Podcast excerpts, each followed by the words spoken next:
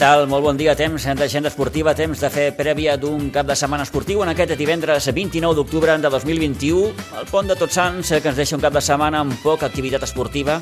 Només tindrem futbol. A la segona catalana, per exemple, en el seu grup segon, els Sitges, que afronten el partit de la cinquena jornada amb l'objectiu de poder-se'n refer de la derrota que va patir el passat diumenge aquí al Municipal de Guadols davant el Terlenca. Jugaran al camp del Prat B demà dissabte a partir de 3 quarts de 8 del vespre. A la tercera catalana amb el Sitges B també juga fora de casa aquesta propera jornada.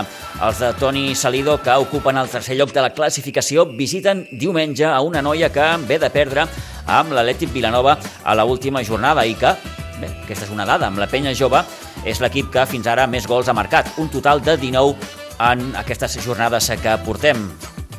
A la preferent de juvenils, la Blanca en rep diumenge amb el Terlenca, el nou Pinsbens. A veure si l'equip de Raül Aroca és capaç de aconseguir el que seria la seva primera victòria. I, per cert, hem d'apuntar aquí també que l'Hotel Melià acull avui divendres la novena edició de la nit de l'arbitratge que organitza la Federació Catalana de Futbol. Una ballada que, com cada any, tot i que la pandèmia ha obligat a ajornar alguna edició, doncs aquesta ballada haurà de servir per guardonar els àrbitres i assistents del futbol i futbol sala català que van aconseguir ascendir la temporada passada. Eh, bé, en aquest temps de prèvia esportiva, avui dos protagonistes. Noah Canepa, jugador del Rugby Club Sitges, que acaba d'aconseguir el tercer lloc amb la selecció espanyola en l'europeu sub-18 jugat a Kaliningrado a principis d'aquest mes d'octubre. I aprofitant que aquest cap de setmana no hi ha competició d'hoquei, conversarem avui, tranquil·lament, amb Xema Ruiz, president del Club Patí Subur Sitges. L'agenda esportiva del cap de setmana.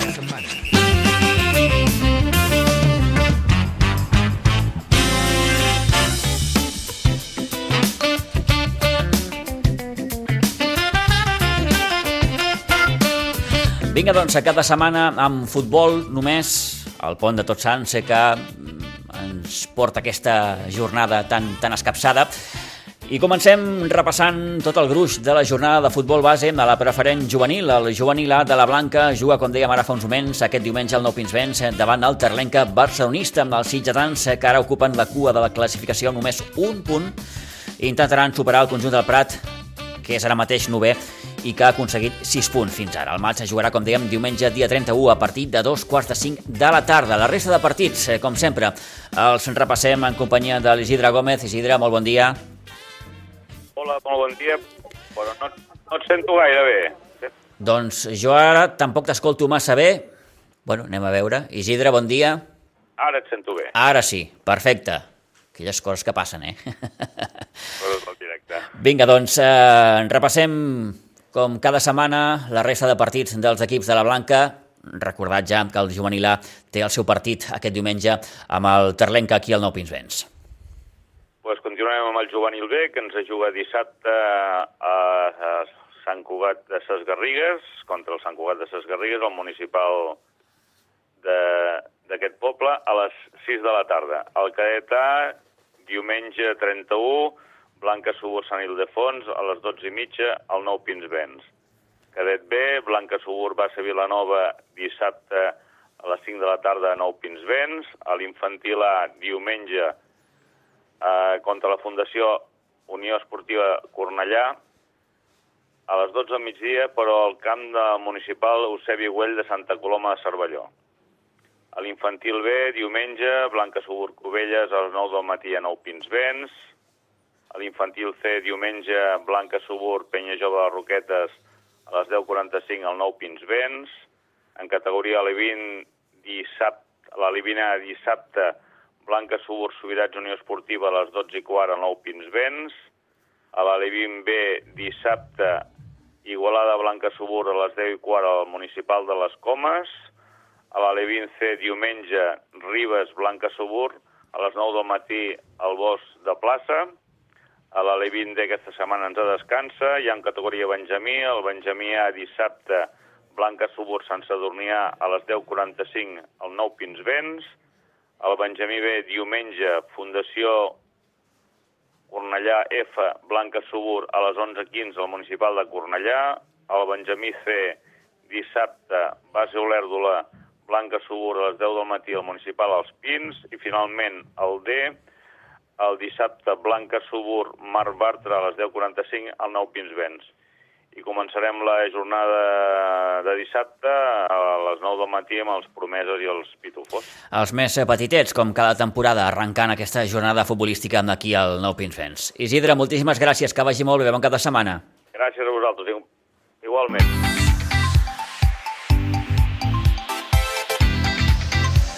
Vinga, coneguts ja amb els partits que disputaran els equips de la Blanca. En repassem ara els de la Unió Esportiva Sitges, començant pel seu juvenil A, que en rebrà amb la Ciutat Cooperativa. Ho farà demà dissabte a dos quarts de vuit del vespre a Iguadols, mentre que el juvenil B s'enfrontarà al Riu de Villas, ho farà diumenge a Iguadols a les dues de la tarda. Pel que fa als cadets, el cadet A s'enfrontarà amb la Fundació Leti Vilafranca dissabte a les 5 i el cadet B al Sant Sadurní diumenge a les 12. L'infantil A visita el camp de l'Hortonenc diumenge a dos quarts de 10. L'infantil B jugarà amb Aquell Guadols contra el base Vilanova diumenge a les 12. Els equips alevins, l'Aleví A, que jugarà amb el camp de la Fundació Unió Esportiva Cornellà dissabte a dos quarts de tres, l'Aleví B, al camp de la penya barcelonista Sant Vicenç dels Horts dissabte a dos quarts de dotze, l'Aleví C també juga fora de casa, ho farà al camp del Gelida demà dissabte a les 9, L'Aleví D és l'únic dels alevins que juga a casa, en rep el Quintinenc demà dissabte a la 1 del migdia i l'Aleví E que jugarà amb el camp de la Fundació Aleti Vilafranca dissabte a les 9. Finalment, pel que fa als equips benjamins, el Benjamí A s'enfrontarà amb l'Escola Futbol Olesa 87 dissabte a les 12. També dissabte a les 12 el Benjamí C s'enfrontarà amb el Viladecans i el Benjamí D jugarà en aquesta jornada fora de casa al camp del Vilanova diumenge a dos quarts d'onze.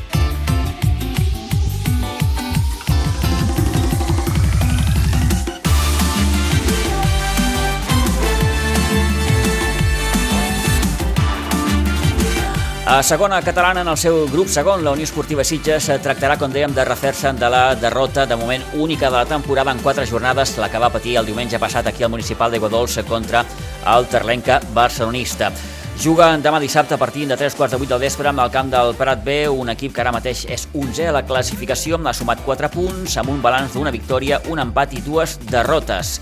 Ens fixem especialment què és el que ha fet el Prat B. Al seu camp, de moment, una derrota 1 a 2 amb el Sant Andreu de la Barca i una victòria per la mínima 1 a 0 davant la Fundació Atlètic Vilafranca. L'últim partit el va perdre en el derbi amb el Prat Delta per dos gols a un. Toni, bon dia. Bon dia, bon dia, Pitu. Eh, objectiu, intentar, com dèiem, refer-se d'aquella derrota de l'altre dia aquí amb el Terlenca.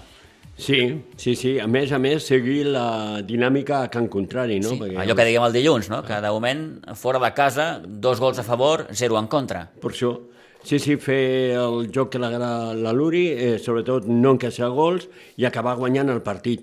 No serà fàcil, perquè de fet el Prat és un camp gran també, eh, és un camp difícil pels Sitges perquè potser té massa espais, no? I el Sitges està més acostumat a jugar al municipal, però bé, el municipal ha encaixat set gols. En canvi, en camp gran com el camp de Sant Mauro, perdó, sí, el camp de Sant Mauro, doncs el Sitges va acabar guanyant. Potser el camp de l'Olivella és més petit, però bé, el Sitges també se va sentir còmode. No sé, jo crec que el Sitges té que fer mm, el que acostuma a fer a Can Contrari i acabar sumant els tres punts. Seria molt bo eh, sumar els tres punts perquè d'aquesta manera te treus de sobre doncs, aquesta derrota que vas patir, mm, que ningú l'esperava però que al final va arribar. No? En qualsevol cas, mm, vaja, les derrotes arriben quan arriben, han arribat a la quarta jornada, Després de les tres primeres en què bé, els números havien estat bons, com dèiem, fora de casa, potser a casa s'ha encaixat massa, no? És allò que, que destacàvem també el dilluns, Toni. Sí, potser no se sap jugar bé a casa, eh, tal el sistema de la Luri, no? Mm -hmm. Perquè estem parlant d'un sistema nou, estem parlant de que doncs, s'ha doncs, treballat tota la pretemporada, però que encara portem poques jornades per assimilar bé el sistema de la Luri. En canvi, a Can Contrari, doncs, sí que el, encaixa millor no? aquest sistema, no? Que juga al Sitges actual. No? Tant de bo al Prat doncs, en quasi del top B se pugui guanyar perquè seria molt interessant sumar tres punts. Al camp del Prat B jugarà amb aquest partit eh, entre el Prat B i el Sitges a tres quarts de vuit del vespre. Eh, el Cubelles que rebrà al seu camp el Sant Quirze del Vallès, un Cubelles que ara el veiem, Toni, tercer per la cua. Sí, i a més a més rep a un equip que tan sol ha sumat dos punts. El Covella ha sumat tres, però compte, el Covella ja ha descansat, eh? Sí, que és cert, també és una dada important Això aquesta. és una dada molt important, no? En canvi, doncs, eh, home, aquí tan sol li val guanyar. Té que guanyar, té equip per guanyar, perquè ningú eh, s'entén el per què el Covella ha perdut dos partits i sobretot el que va perdre a casa amb el Sant Mauro eh, i té que sumar els tres punts. Descansa aquesta jornada al Moja, l'Olivella té un os, perquè en rep al seu camp el Montserrat Igualada. Sí, sí, a més és un equip molt complicat, molt difícil, donarà molt que parlar aquest Montserrat Igualada. El que passa que, eh, bé, l'Olivella és un equip que no ha començat malament, que té molt bon equip, que té un equip eh, com l'agrada al Rafa, i, i a veure si, si, si tot li va bé, no? Doncs repassada aquesta segona, anem cap a la tercera.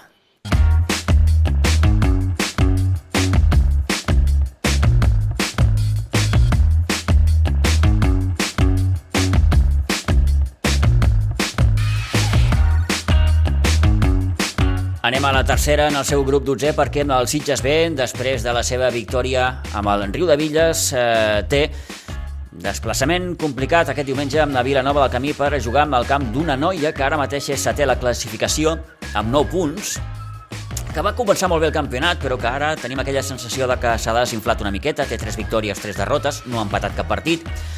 Eh, dada aquesta interessant, és un equip que veu porteria, perquè amb la penya jove és l'equip que fins ara més gols ha marcat, 19 en 6 jornades, Toni.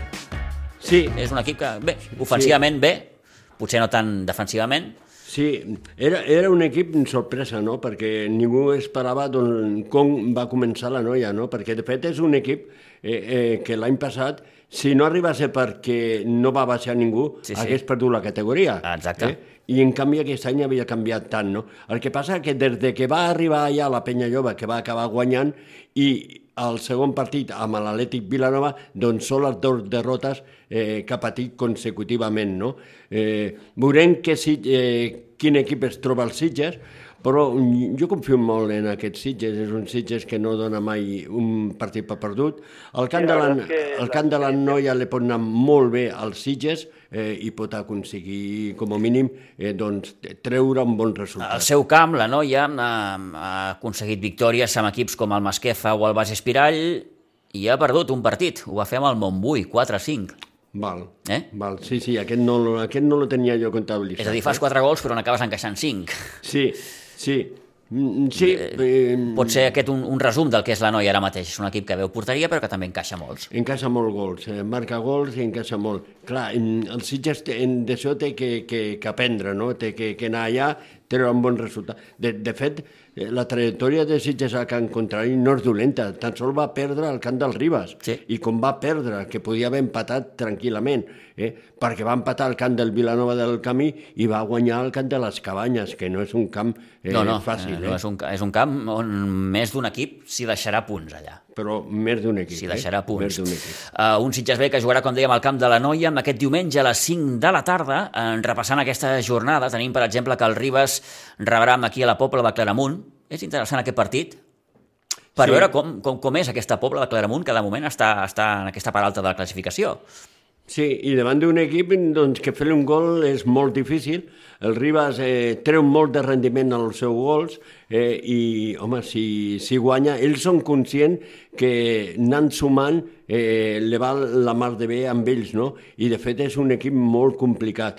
Veurem què passa. La Pobla de Caramunt, mm, d'entrada, doncs, va perdre amb la penya jove, eh, i a veure si pot treure un bon resultat aquí, tot i que per mi el Ribas és un dels equips que estarà dalt del tot. Eh? De moment es manté líder després d'aquestes sis primeres jornades, sis victòries per als eh, ribetans. L'Atlètic Vilanova que jugarà amb el camp del Masquefa diumenge a les eh, 12 i la penya jove que rebrà amb el Piera ho farà demà dissabte a dos quarts de sis. Penya jove que també ha tingut un molt bon inici de campionat. Sí, potser el- lo pitjor de la penya jove és que ha, ha perdut a Òscar Nando, que se va lesionar i tindrà per a tres mesos. Vaja. No? Eh, Una baixa les- significativa, eh? una, i una lesió complicada, eh? Eh, és, però té molta arribada, no? I jo crec que, que la Penya Jove no tindrà problemes per guanyar el Piera, el que passa que, clar, el Piera també és un equip que necessita sumar.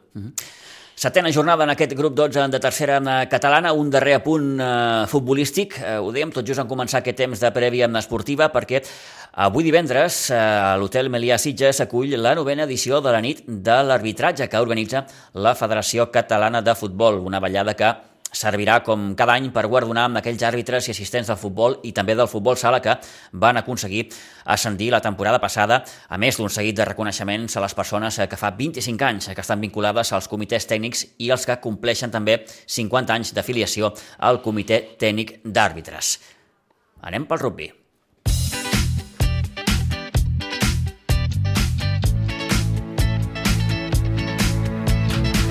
Aquest cap de setmana no hi ha competició de rugby, però hem aprofitat per parlar amb un dels jugadors del Rugby Club Sitges. Es tracta de Noah Canepa, que a principis d'aquest mes d'octubre va disputar el Campionat d'Europa Sub-18 a Kaliningrad, obtenint la medalla de bronze després de superar Bèlgica en el partit per al tercer i quart lloc. Als seus 18 anys, Noah Canepa és un dels joves valors que té actualment el Rugby Club Sitges i després de passar per totes les categories del club, aquesta temporada està ja amb el primer equip a la divisió d'honor B. Aquí va, doncs, aquesta conversa amb Noah Canepa, un Noah Canepa que ens començava parlant de la seva participació en el Campionat d'Europa Sub-18 de rugby amb la selecció espanyola. Sí, la verdad es que la experiencia fue increíble. Es verdad que en cuanto a juego y el resultado sí que nos quedamos todos con, con un sabor agridulce, ya que la semifinal no hicimos un buen papel contra Portugal, por lo que no optamos a, a ganar el, el, campeonato, pero bueno, se, se resolvió con un buen partido ante Bélgica, donde quedó claro que, que lo de Portugal fue un accidente y que si volviésemos a enfrentarnos a ellos pasaría otra cosa. Eh, ¿Era favorita España? No sabría decirte si favorita, no creo favorita, pero personalmente creo que, bueno, y en el equipo ninguno se hubiera sorprendido si hubiéramos ganado, ¿no? Pero tampoco lo hubiéramos tenido fácil con, con Georgia en la final. Eh, fue un campeonato no a corto, ¿no? Empezasteis eh, ganando a Rumanía 45-8, mm, después esas semifinales eh, que hablabas ahora con, con, con Portugal eh, y el partido por el tercer y cuarto puesto en el que conseguisteis superar a, a, a Bélgica. Bé, mm, lástima, ¿no? Ese, ese, ese partido con, con Portugal. ¿Qué pasó? Sí, pues la verdad es que íbamos muy enchufados todos en general, pero ante, en los 10 minutos del partido ya habíamos hecho alguna algún fallo que convirtieron ellos en, en puntos y desde ahí fuimos para abajo y no supimos eh, remontar, no supimos, no supimos ver que quedaba mucho partido para rectificar y, y eso, y ellos se vinieron arriba y pues eso, el partido no, no supimos adaptar del todo y acabó siendo pues al final se lo merecieron ellos por aprovechar nuestros errores. ¿no? Bueno, y un poco también, como decías, ¿no? Conseguisteis reaceros en el partido por el tercer y cuarto puesto, ganando claramente a Bélgica 46-7. Sí, sí, porque nos quedamos con la espinita esta de, de, no ir a la final y queríamos demostrar que eso, que fue, que fue un fallo de todos, pero que el juego que hicimos contra Portugal no nos representa y como de verdad jugamos fue contra, contra Rumanía, eh, contra Bélgica, perdón. Bueno, ¿qué tal la experiencia en general de poder participar con, con, con España en ese campeonato sub-18? Pues como te he dicho, yo no me lo creo todavía. Yo estaba, estaba ahí en el hotel y no me creía que estaba en Rusia con la selección, ¿no? Porque al final ha sido, un, bueno, para todos ha sido un año muy difícil, ¿no? Con el COVID Mm. y hemos hecho, creo que tres concentraciones que a mi, a mi sorpresa ha habido un muy buen grupo en cuanto a que todos nos llevamos súper bien para, para el poco tiempo que hemos pasado juntos y yo creo que eso a la hora de, bueno, de pasar tiempo en el hotel, en los aeropuertos o en el campo, se, se ha notado bastante, ¿no? El buen ambiente entre todos. -huh. ¿Confiabas, no, en poder disputar este europeo? Te lo pregunto más que nada porque, bueno, acceder a la selección no es fácil. Eh, supongo que, que, que, esto tiene un, un, proceso, ¿no? Hay una preselección, unas concentraciones, eh, después eh, la lista definitiva. ¿Esperabas? Pues la verdad es que empecé con bastante confiado, pero uno, un, un mes y medio o así antes de, de, de, ir al europeo hubo una concentración de rugby 7 y yo me quedé fuera de, esa, de esa bueno, del campeonato europeo de rugby 7 entonces de ahí ya como que no me vi tan dentro de, de la de rugby 15 que, es que fue al, al, que fui. Entonces ahí sí que me entraron las dudas pero en todo momento fui fui a darlo todo y que si fuese se diese el caso de que no de que no querían contar conmigo que no fuese por por la actitud no bueno y llega esa llamada definitiva no en la que eh, deciden contar contigo para disputar el europeo. Sí la verdad es que me alegré mucho porque tenía muchísimas ganas de disputarlo. Además con lo que te he dicho de, de quedarme fuera del, del Sevens me, me crecieron las ganas no entonces ya cuando fue oficial fue como un alivio no Más allá de ese tercer puesto, pues, de, de este tercer puesto, de esta medalla, eh, ¿con qué te quedas, Noah? Pues creo que lo más importante ha sido la gente que, que me he llevado, porque, eh, como te he dicho, ha habido muy buen rollo y con gente con la que ya me llevaba bien de antes, ahora me llevo mejor y creo que al final en cualquier deporte lo importante es la gente que, que conoces y que al final pues compartes momentos y, a- y aprendes de todo el mundo, ¿no? Bueno, y un poco supongo que eh, con la ilusión de seguir contando eh, con los técnicos de, de- de la selección. Sí, sí, obviamente yo voy a sigo disponible para próximas eh, selecciones y, y la verdad es que bueno hicieron un buen trabajo los seleccionadores con, con el grupo. Eh, mm, ¿No deja de ser un sueño mm, debutar con la absoluta? Pero obviamente eso siempre siempre lo tengo en mente y ojalá que, que un día lo, pueda conseguir. Bueno, mientras tanto, Noah, eh, tu lucha sigue aquí en Sitges. Eh, el otro día, sin ir más lejos, eh, bueno, el, el club te reconoció un poco eh, esa participación tuya con, con la selección. Creo que, que- bueno, que les entregasteis tu, tu, tu tu camiseta. ¿Cómo fue ese acto? Muy bonito, ¿no?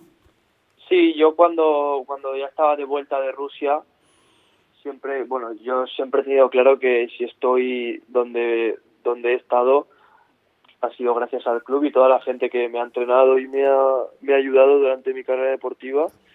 Y quería tener ese detalle con, con el club que siempre ha estado ahí para ayudarme. Y eso es una, una pequeña aportación de, de lo que puedo hacer yo por el club. Eh, en el rugby desde pequeñito. Sí, desde los cuatro años prácticamente, cuando estábamos en el, en el campo de arena. De Santa Bárbara, ¿no? Sí. Bueno, han pasado muchos años. Bueno, mm, tienes ahora 18, creo, ¿no? sí. Y por lo tanto, mm, toda tu vida jugando a rugby. Sí, prácticamente nací con, con, con el balón en las manos. Tengo aquí en la habitación un, un balón que, que me regalaron el día que nací y eso, prácticamente mi, mi padre me lo, me lo ha inculcado desde siempre y bueno, la culpa de que, de que juega rugby es suya todo. Claro, claro, ahora te lo iba a preguntar, ¿no? Un poco. Es por tradición familiar. Tu padre, claro, está eh, muy ligado al rugby también. Sí, además él vino a- él es argentino y vino a España muy joven y de siempre ha jugado en el en el Rugby Club Sitges, entonces no había no había otra forma de, de que hiciese deporte que no fuese rugby en, en Sitges. Eh, eh, ¿Tú naciste aquí en Cataluña? Sí, sí, yo soy de, aquí. Muy bien. Eh, bueno, mm, has pasado, por lo tanto, por, por todos los, los escalafones, ¿no? Todas las categorías. Sí, desde Desde la escuela hasta llegar al senior. sí, exacto. Este año es mi primer año en senior. Bueno, ¿y qué tal? ¿No habéis empezado muy bien con esas dos derrotas en División de Norbe? Es otro mundo esto, ¿eh?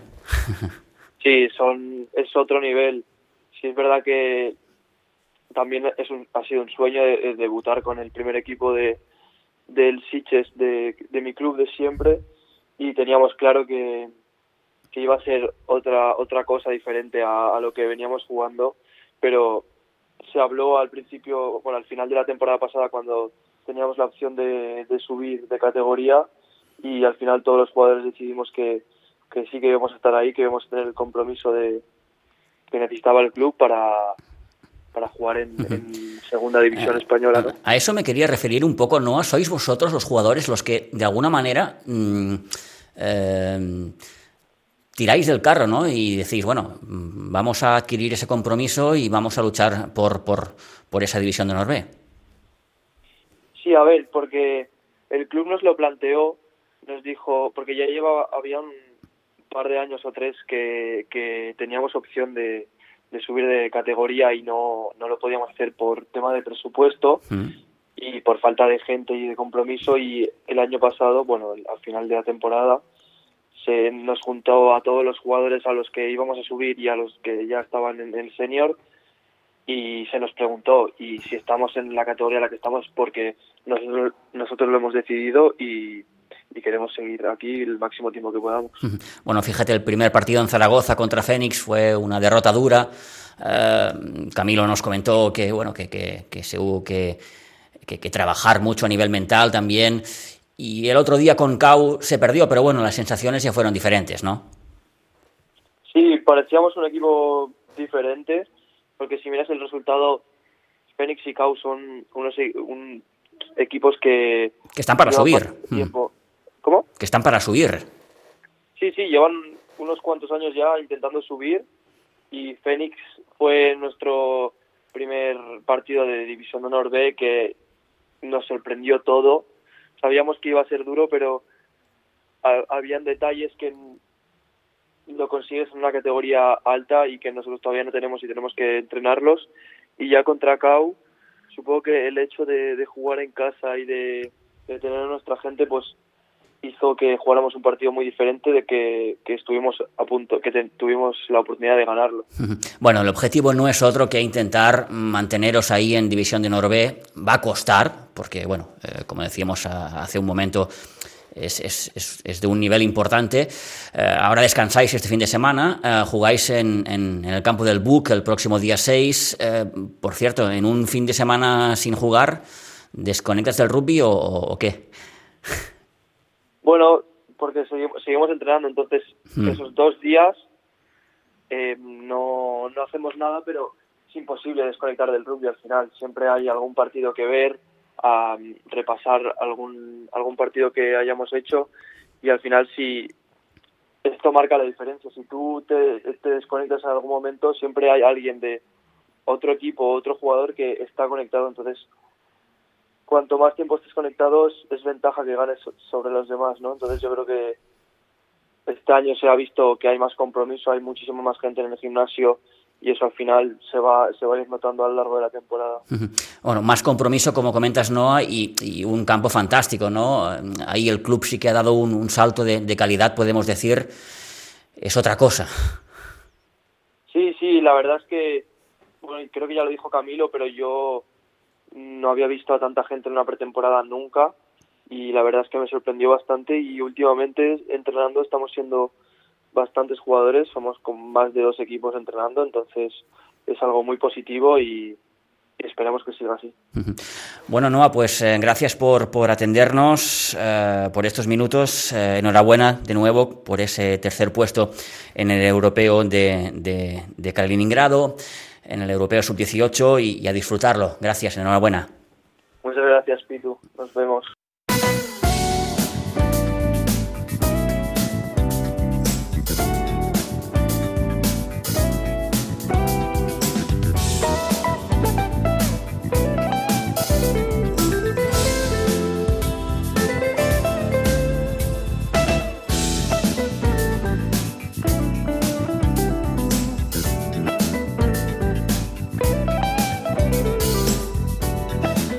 Doncs, com dèiem, en aquest cap de setmana, amb poqueta, poqueta activitat esportiva, doncs eh, aprofitem el temps i aquests propers minuts ens han de servir per eh, eh, xerrar una estoneta amb el president de, del Club Patí Subursitges, amb en Xema Ruiz. Xema, bon dia. Bon dia, Pitu. Què tal? Molt bé, molt bé. Són temps difícils aquests per al Club Patí Subursitges? Així d'entrada? Sí, sí, podríem dir que sí, que són temps difícils, però també és el final d'una etapa i el començament d'una altra. O, o almenys això és el que, el que pensem des de, des de la directiva. Com es diu en aquests casos, ara toca viure un cicle menys, menys victoriós, menys, menys galdós, no? Una mica mullar-nos a la realitat, i la realitat del hockey en aquesta època és difícil, i ens tenim de mullar. És, som un club petit i ens costarà més que amb uns altres que potser siguin més grans i tinguin més mitjans. Que no serveixi d'excusa, però la pandèmia ha fet mal. Sí, sí, que sí que ha fet mal. A nivell econòmic, els clubs... A... Bueno, però és que el hockey, el futbol, el bàsquet... La pandèmia ha fet mal a nivell econòmic. A nivell econòmic i al final a nivell econòmic és el que, el que, va, el que fa bullir l'olla. Mm. Els calés... Quants, quants patrocinadors mm, s'han quedat pel camí? Els grans... N'heu perdut molts? No, els grans els grans s'han quedat. Mm exceptuant eh, el Riquis, que bueno, és obvi, sí. porta dos anys tancat, ens sembla que va obrir el cap de setmana passat. Els de més s'han quedat, perquè els de més, eh, per sort, eren empreses que la crisi de la pandèmia l'han patida, però econòmicament no han patit. Llavors, els grans s'han quedat. Els petitons, els que teníem petits, són els que més han patit. Eh, els hem patit que han marxat perquè, perquè estan botant ingressos és obvi.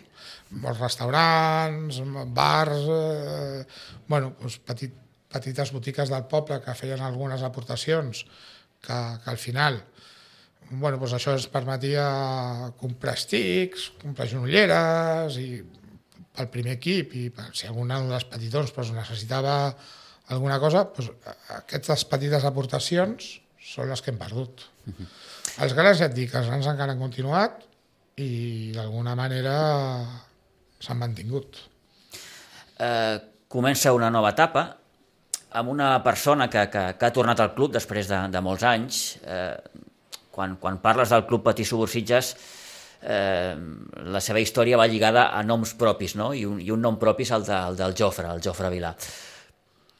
Quan penseu en, en el Jofre perquè torni al club, Xema? A veure, amb el, amb el Jofre Eh, pensem de, de cop i volta al final d'una reunió al mes d'agost que bueno, vam tenir una reunió que va ser eh, l'acomiadament de, del, del primer equip que teníem l'any passat. Ens quedaven dos jugadors de tot l'equip i amb una conversa amb el Xavi Gutiérrez li vaig dir, escolta per què no truques amb el Jofre? I, bueno, doncs això, va... això després ve després de, de, de... Vosaltres havíeu treballat sí, amb, sí, amb, amb, nosaltres al mes de juliol, amb altres llavors... noms eh, que en principi estaven disposats però que eh, per A o per B doncs, al final us diuen que no. Sí. Ens trobem a mitjans d'agost, com aquell qui diu, sí, sí. clar, eh, el temps juga en contra. Ens trobem a mitjans d'agost sense equip i sense entrenador. Mare de Déu. Sí, sí. sí ja, ja, ja, Situació al límit. Al mes d'agost eh, per la junta directiva va ser, va ser terrible, va ser terrible. I ja, ja et dic que ens trobem segona quinzena d'agost, sense entrenador, quasi sense equip, i ja et dic, un moment de tranquil·litat, una tarda amb el Xavi Guterres, i dic, escolta, Xavi, collons, tu coneixes amb el Llofre? Jo no el puc tocar perquè jo no el coneixo. Sí que el coneixo, però no tinc la confiança com per dir escolta, Llofre, i per què no li dius? I sí, sí. Li va dir, vam fer una reunió amb ell, va posar les seves condicions, mm, va venir moltes ganes, i aquí estem. Una altra vegada amb el Jofre Vila. Un Jofre que no només és entrenador del primer equip, sinó que és la persona que eh, ha de coordinar eh, tot el club en general. Després hi ha eh, la figura del Carles Busquet que engloba l'hoquei base, no? però, sí. però entre ells dos una miqueta són, sí. s'ho han de manegar, diguem-ho així. A veure, la figura del Llofre ens ha anat molt bé, perquè a part d'entrenar de, de, de a el que és el primer equip, que la, la, la, la seva tasca com a entrenador està, està totalment ja verificada i la coneixem tots, eh, ens ha ajudat molt a donar una volta al club, de fer-nos a veure errors que teníem, solucionar intentar solucionar-los. I a part d'això també el que ens ha, ens ha posat unes bases de, no per ser un equip gran, perquè no podem, no ens enganyem, uh mhm. -huh. però sí de polir moltes coses que et fan que continuïs sent un club molt petit. Llavors, encara que sigui per ser un club mitjà, has de tenir unes bases. Llavors, eh, L'any passat, si es vam reunir tota la Junta doncs, 10 vegades en tot l'any, va ser molt. Ara es reunim cada dimarts. i es posem, el Carles es posa els problemes que té amb la base, s'exposen els problemes que hi ha hagut amb el partit del primera, s'exposen temes econòmics, a veure, s'exposa... Ara, la veritat és que la, la... parlem molt. Va molt bé, i si em permets, mm, eh, vull que escoltis això. És, és una conversa que vam tenir amb el, amb el Jofre. Crec que era eh, l'últim partit amistós que, que va jugar el primer equip aquí abans de començar la Lliga, i li preguntàvem sobre la seva tornada al club i com ell eh, havia vist el club en aquesta tornada. Això ens deia el Jofre. Estic encantat d'haver tornat, estic encantat de, de, de poder treballar amb aquest equip i estic encantat de, de, de que Sitges, a veure si torna a revifar aquest hockey que, que el tenim una mica així deixat. Com has vist el club, per cert? Molt, molt, molt trebat, molt, molt... Tenim que treballar molt, tenim que treballar molt i, i tenim que posar-li no la il·lusió que ja hi és, sinó feina, tenim que posar-li feina. I què fa falta, et pregunto? Feina. Feina. Feina, feina. O sigui, agafar, estar-s'hi moltes hores, treballar amb la gent, treballar l'entorn, eh, tot, tot. Buscar horaris que ens, ens siguin favorables, buscar gent que ens sigui favorable, eh, treballar, treballar. En el, el, el, tot el sentit de la paraula. Crec que Sitges és un lloc on fa molts anys que fem hockey, per mi tota la vida, i per tant això no, no, no pot parar, tenim que continuar i treballar, treballar. La base hi és, des dels més petitets que comencen fins als alevins, entre aleví i sènior hi ha un espai aquí que potser s'ha d'omplir, no? Bueno, eh, no és que s'hagi d'omplir, són 8 anys. Clar. Sí, sí. És un espai de 8 anys. I aquest espai de 8 anys és el que tenim que treballar des de baix, et dic, amb molta il·lusió i moltes ganes i, i sobretot amb moltes hores. Això, per tant, era el que ens deia en Jofre, era mes de setembre, crec, últim partit amistós aquí abans de començar la Lliga. Feina, feina i més feina. És que és això el que et deia. O sigui, tots els dimarts, eh, eh, quan no és el dimarts eh, doncs has de baixar un dijous i perquè no sé què, i parlar, parlar molt, i, i d'alguna manera doncs, la seva idea per l'escut a sobre de, de... Ell suposo que a, a terra aquí eh, observa i fa una diagnosi no? del, del club. Sí, sí, sí. En tant que coordinador, evidentment, clar, ell ha de saber amb quines, amb quines eines pot treballar. I la primera reunió que, que tenim amb ell és, és amb el Xavi, jo, Carles, i bueno, ell posa unes bases, posa uns... li expliquem una mica com està tot, i, i, i ens convenç de que, de que no, no anaven bé. O sigui, no és que no anessin bé, anàvem al entrant a salto de matar. Ell ho diu, no? És un club trebat. Sí, sí, sí. Allò, sí, sí, sí, a mitges tintes. Sí, sí, sí, que la feina pues, eh, la feien eh, certes persones, però no, no teníem constància, tot l'equip, com ara, no? Ara, ara per exemple, pues, tothom sap eh, qui és qui, i, a veure, era, era, ja et dic, era un, un club trebat. Ho, ho ha dit bé, ho ha, ho ha definit perfectament el Jofre. Ell, ell feia molta esmena a feina, feina, feina, feina. Feina i jugadors. Sí, però bueno, Toni... Feina i jugadors. Uh, perquè mm, ara preguntaré, eh, la temporada passada l'equip tenia dos equips sèniors. Sí. I, I clar, tu te trobes a l'agost que no tens jugadors. No. No, no. També, a veure, també hi ha que explicar el sènior, el sènior B, uh -huh. vale? el sènior B tenia, tenia jugadors que ja havien dit que aquell any era l'últim, per exemple, el meu fill, sense anar més lluny, va dir, jo jugo aquest any i ho deixo, mm. però que com ell estava el Mario, hi, hi havia també jugadors com l'Aaron, que havia pujat i baixat al primer equip, per circumstàncies no es va sentir gust i, i va ser dels primers que va dir que marxava. Llavors teníem un B que tampoc, tampoc mereixia la pena mantindre'l perquè a veure, el polició no és un cost pel club. Ah, clar, una despesa que no consideràveu necessària. És, és una despesa que tenir jugadors.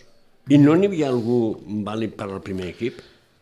Sí, però, però van marxar, Toni. Van marxar, val. Va marxar a, a, a, del, del primer, del segon, Sí. hi havia, doncs, doncs mira, estava el Marçal, Sí. veiem que ha pujat al primer equip, Sí. estava l'Aaron, que estava doncs, per pujar també. Sí.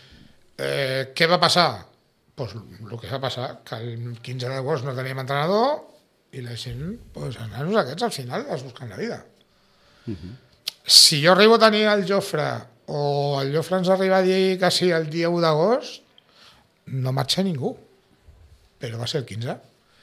I, la- I els jugadors del primer equip i algun del segon equip eh, entre comillas, le, le dieron las orejas al lobo y van a decir, ostras, Pedrín, que me quedo aquí sense entrenador i sí, sí, a jugar a primera.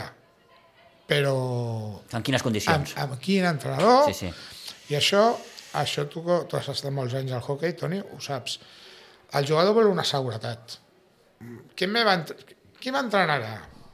Sí. Vale? Això és el primer que pregunten. Però a veure, per instal·lacions no és. Allò, no. Mm, Vaig a jugar a l'Espluga de Franc... Ara no, perquè tenen un pavelló molt maco. Però en el seu moment vaig a jugar a, a Valls o a l'Espluga de Francolí fa 5 anys, aquells pavellons amb, amb, amb la valla de, de pedra, ah, tenim una, unes magnífiques instal·lacions. Sí. El club, més o menys, està sanejat. No tens problemes econòmics, els, de tots, però bueno, què et fa falta? Un entrenador i el que tens al costat. A veure, perquè desgraciadament aquí com no, no podem pagar, doncs has de, el jugador ha de ser que vingui perquè hi ha un projecte, hi ha un bon entrenador, que ell pensi que pot aprendre i després que digui, bueno, a cada partit no em fumaran 10 gols, intentaré lluitar per alguna cosa. Llavors, clar, es vam trobar doncs, que, hi ha, que hi ha molts nanos d'aquests que van dir, uf, uf, Sí, sí. me voy. Què em trobaré, no? Eh, la realitat ara mateix és la que és. El, el primer equip eh, no ha guanyat cap, cap, cap partit, és coer la classificació. Òbviament, clar, eh, entenem que l'objectiu ara ha de ser salvar la categoria. Sí, és la permanència. Era, era quan el Jofre es va fer càrrec de l'equip i va veure... És a dir, això vosaltres ja ho teníeu clar, no? Sí, sí, la directiva ho tenia clar, ho teníem claríssim. Sabrem més o sabrem menys de, de, de hockey, però això ho sabíem. I ho sabien els jugadors, vale? perquè quan se li diu amb l'Isaac i amb el Guerrero que no poden deixar-nos, que no poden marxar, que no poden deixar el hockey, és perquè ja se'ls diu, hem de mantenir la categoria. I ara potser us pregunteu, per què tanta ànsia de mantenir una categoria? Perquè estem treballant amb la cantera, o sigui, els nanos petits, i necessitem un equip el més alt possible. Perquè aquests nanos estiguin entusiasmats, quan acabin el seu partit es puguin quedar i veure els grans. eh? Aquests són els grans. I, i, i per club, perquè et diré una cosa, inclús vam, vam pensar en un moment donat de, ens quedem en la cantera, Que no sènior. club petit, i anem pujant. Això s'ho plantegeu. Sí, hi ha un moment, home, hi ha un moment, i tu, hi ha un moment... Sí, sí, sí, sí, ho entenc- ho entenc que- perfectament, que sí, vam, vam agafar totes les, la, a l'abanico de possibilitats i dir, què? I va entrar, hi havia una que era fora sèniors, fora sèniors, ens quedem amb la cantera, que fem nanos, nanos joves que vulguin entrenar els, els nanos petits i comencem quasi, quasi de zero, no de zero perquè ja tenim, ja, ja hi ha un Alevin, per dir-ho d'alguna manera, Sí.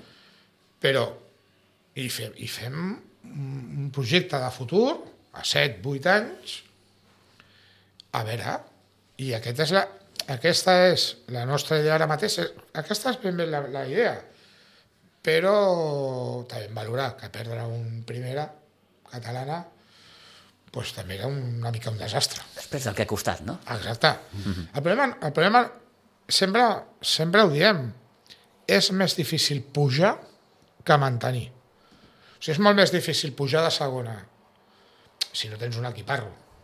Dius, ja tinc un equiparro, vaig a, ara comencen a tercera, a tercera, tenen un equiparro i en tres anys es planten a primera. Però això també és un projecte a llarg plaç. És molt més difícil eh, pujar que no pas mantenir. Perquè una vegada agafes... És el que...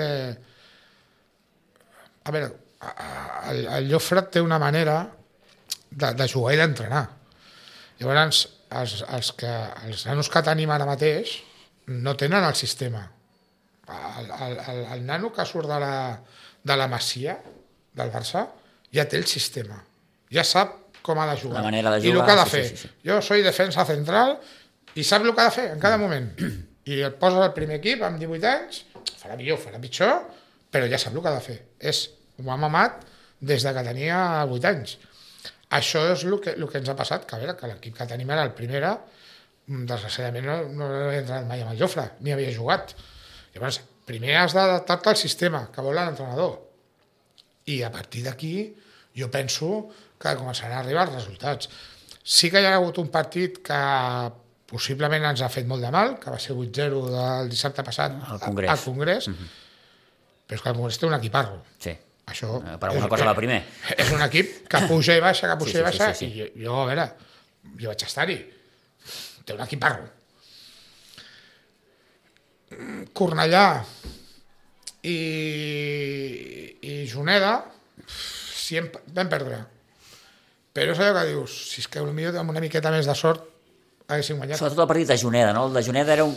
i Amb Antoni sempre li comentava, no? Dic, ostres, aquest és un partit important, important entre cometes, perquè la temporada tot just havia començat, no? Però és un equip que, que, que està com tu, que no ha guanyat cap partit, ostres, bé, aquí ja et guanya, no? Ah, aquesta sensació sí. de que... mm, Però, però no, estem... és, to, pa, eh, no et guanya, Pitu, amb... Com No, no, no, va guanyar no, no. el Congrés. Que, que, que són partits d'aquells que al final dius, jolines, quina mala sort he tingut. La diferència potser és que el Junera és un equip fet i el, i el Petit Sitges s'estava fent. Ara, ara també, Toni, també diré una altra cosa. No, eh, no és excusa, però de l'equip inicial que, que es va presentar al setembre hi havia tres lesionats. Hi ha un, un del Río, que en certa manera és el que porta assimilat el sistema d'en Llofre i és el que l'ha de plasmar dintre de la pista, que se'm lesiona el segon partit a casa. Hi ha un Marçal, que com sabeu, que és una màquina, que, que, que, que força ganes se'm lesiona el partit del, del Juneda de casa. També dius, Sí, clar, allò del perro flaco. clar, però els lagotes són pulgues. Sí, sí, sí, sí. A veure, al final dius, hosti, que, que hem trepitjat. Perquè, clar, dius, hi ha partits, possiblement a Congrés eh, haguessin patit igual, però No amb aquesta diferència, no? no, haguessin donat una mica més la cara. I no, i no, no, ho van donar tot, eh, els nanos. O sigui, a veure, això sí que és indiscutible. A l'equip que tenim ara, una altra cosa no. Però em sembla que a l'Isaac i al Guerrero no els he vist la samarreta suada, però, però suada, com les, els estic veient aquesta temporada. Mm, ho estan donant tot, ho estan donant tot. Aquí no s'amaga ningú. a vegades les, les, les transicions als clubs són més traumàtiques, no? És a dir, com pots passar d'un equip que està lluitant per pujar a Nacional Catalana a un equip que ara està en problemes i que, que, que lluitarà per, per, per no baixar de primera, no? És a dir, em refereixo a això, no? Que aquestes transicions a vegades mm, han de ser més, no sé si més, més naturals, més pausades, però aquí diem que res ha ajudat. Ni la situació de pandèmia, ni, ni, ni... Tot ha estat un desencadenant de... de, de, de... Sí, jo suposo que també el Carles en el seu moment es va trobar que estava cansat. Sí, clar.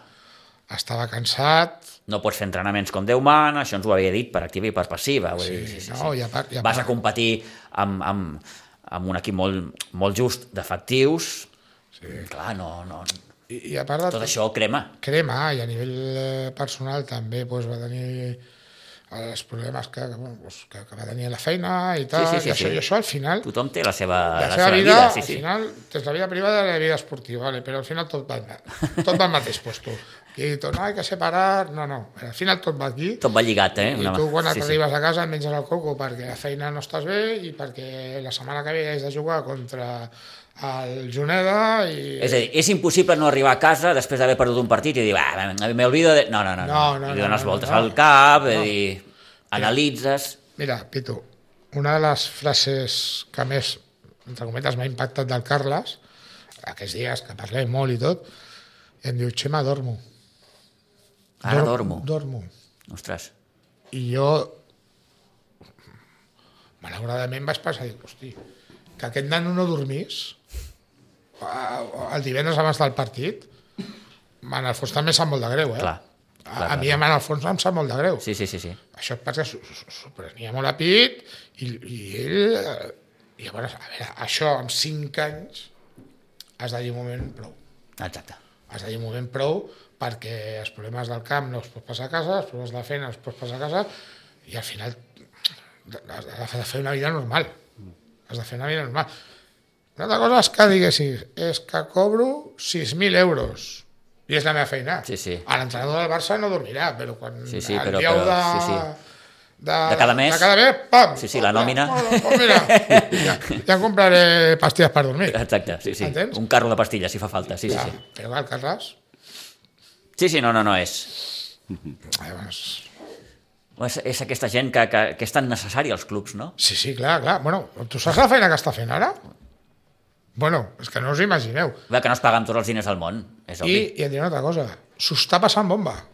M'ho diu, uf, disfruto. I el veus, és que a més el veus. Que vaig a les 6 de la tarda o a les 7 i li està guardant els patins Amb la el canalla, sí, sí, sí. Sí, sí. És, un altre, és un altre món. És un És un altre món. món. I s'ho està passant bomba. Sí, sí. I el que em va dir, dormo. Ara dormo. Jo quan el, el, el club ha arribat on ha arribat, eh, eh, i ara comencem pràcticament de, de, de baix, eh, perquè l'equip té el màxim un aleví, ara el que sé que té que aprofitar a partir d'ara és el model, no? Eh, que això ja l'has parlat tu, Xema, de, el model de que eh, tots eh, tinguin la manera de jugar, el sistema de jugar, eh, si el coordinador o la persona a dalt és en Jofre Vila, eh, doncs eh, tenia aquest model perquè tots, i quan arribin a dalt, puguis Un mateix patró, no? Et refereixes? Correcte. Sí, sí, sí. Un, un, un mateix patró. Uh -huh. Això ja està instaurat, Toni. Això ja està instaurat. Es fan reunions eh, quasi setmanals dels entrenadors, el model està instaurat i tots els equips juguen de la mateixa manera, dintre de les seves possibilitats. Ah, evidentment. Vale? Però hi ha nens que juguen millor i hi ha nens que juguen pitjor. S'han de polir certs aspectes, eh, com pot ser pues, que hi ha, hi ha dos prebenjamins, que hi ha uns nanos més bons que uns altres, i no és que hi hagin dos, hi ha un, però podrien haver-hi dos. Vale? Llavors hi ha un nivell, llavors... però, bueno, però això són coses que anirem polint amb el temps, perquè fa dos mesos bueno, doncs era el Club Patí Sitges. Ara, en vistes a un futur i en vistes a que la situació mm, tenia de canviar i que no volem que això torni a passar mai més, aquest eh, mal trago, s'està posant s'ha- feina. Esteu més tranquils en aquest sentit? És a dir, pel fet que hi hagi una persona com el Jofre, que, que, que, un, que en certa manera us, us marqui la línia, no? us marqui el camí. Això és el que et deia abans, ha sigut molt important. Unes línies que els que hi érem, o estàvem, no les veiem. Bé, a vegades fa falta una altra persona que et vingui i et No, digui, escolta, i- Xema, per aquí no, per aquí. Peto, és molt important la seva experiència amb un club gran, com és el Vilanova. Ja he dit abans, potser no arribarem a ser un Vilanova, ni volem, potser, però sí que les bases, mmm, dius, hombre, pues, la veritat és que això, això, això sí que ho podem implementar, és relativament assequible, i a partir d'aquí pues, bueno, pues, anirem tirant. Que sona la flauta i traiem una Levin, un equipet de, de 7-8 nanos, i, i els fem pujar i després passen a, fer, a ser un infantil i després un, un juvenil i després un júnior i d'aquí 7 o 8 anys o 6 tenim cantera vale. el més important jo penso que ara el més important és eh, no perdre ningú pel camí Jo... Que ja s'han perdut prous, no? Sí, jo, jo des, de, des de que, que, que em va- em vaig posar de president, la meva idea era, sempre la mateixa. No vull que vingui al Vilanova, al Vilafranca, al Calafell, al Cubelles, i em, em, em tregui jugadors. O sigui, que marxin perquè deixen el hockey. Perfecto. Mira, me gusta más el baloncesto. Venga, chaval, Endavant. a jugar a baloncesto. Sí, sí, sí. Eh? Que sàpigues que valeixes metro 60 i no podràs jugar mai a baloncesto, però bueno. Vale? Però el que no vull és que vingui un pare i escolta, me'n vaig al Vilanova perquè els entrenadors són millors, perquè el club és més gran, perquè... Entre... No, això és el que no podem permetre. I això és una de les bases que més o menys sí que estem aconseguint. Fer equips ben avinguts, D'un- és important també la relació amb els pares, perquè al final som un club esportiu i els pares es deixen a les nostres mans fills. la- l'educació esportiva d'aquests nens. Llavors hem de, tenir, hem de tenir entrenadors, no diré qualificats, però sí que una mica centrats, que sapiguin el que han de fer en cada moment, i, que, i això és, aquesta és la via que hem de desenvolupar. Perquè és, és assumible el que us planteja el Jofre? És a dir, El... Sí, sí, sí, a veure... El, el, o és allò que dius, uf, espera, espera, espera, espera't. No, no, no, no, no. La, la, el que és la base és assumible. El problema també és, una, és un afegit. Eh, Tu quants nens coneixes, de cometes, normals, que jo de, de, de, de, de, de, de gran vull jugar al- al Barça al hockey. Ara, ves aquí pel carrer i ves a la porta del, del Benaveres o ves a la porta i pregunta'ls De qualsevol escola, sí, sí. tu què vols ser? No, jo el Messi. Jo el Cristiano, jo el no sé què. Ara, ningú vol dir un jugador de hockey. Entens? Si no és perquè els seus pare, el seu pare ha jugat a hockey o, per, o com jo, que en un moment donat apareixes pel pavelló i, I allò que veus t'agrada. I dius- Sí, sí. llavors això és el que hem d'aconseguir. Que el que passi pel pavelló S'empalti d'això, no? digui, ostres, Sí, sí. mira, bueno, llavors, clar, per, per fer això, i quan et vingui un nen, has de tenir patins, has de tenir sticks, llavors, això, això ho has de tenir-ho. Llavors, això ja ho teníem. Ara ens faltaven els nens.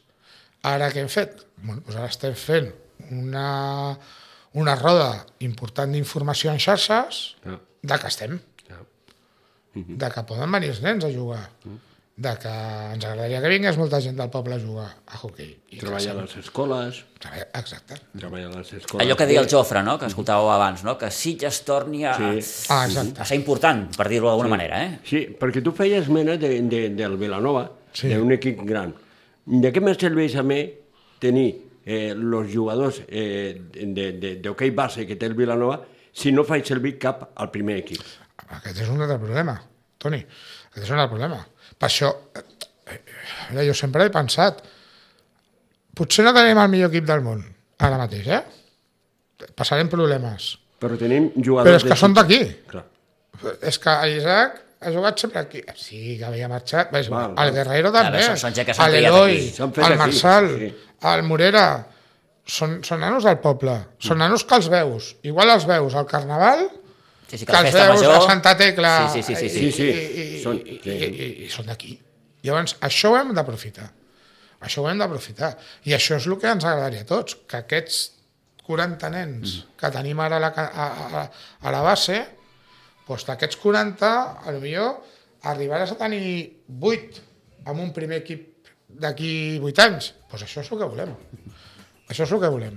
Perquè aquests nanos no marxen. Doncs em sembla un, un bon punt i final per la conversa. Xema, agraïts de, de poder compartir aquests minuts d'hoquei amb tu, que vagi molt bé, que tingueu molta sort aquesta temporada, que allò que heu proposat o que us han proposat es pugui complir en la mesura del possible i, i, i bona temporada, en definitiva. Eh? Moltes gràcies, Toni, moltes gràcies, Pitu. Gràcies a tu per venir. Toni, gràcies també. Molt bé. Eh? I a vostès, moltíssimes gràcies, agraïts de nou per la confiança, que passin bon cap de setmana. Adéu-siau, fins la propera.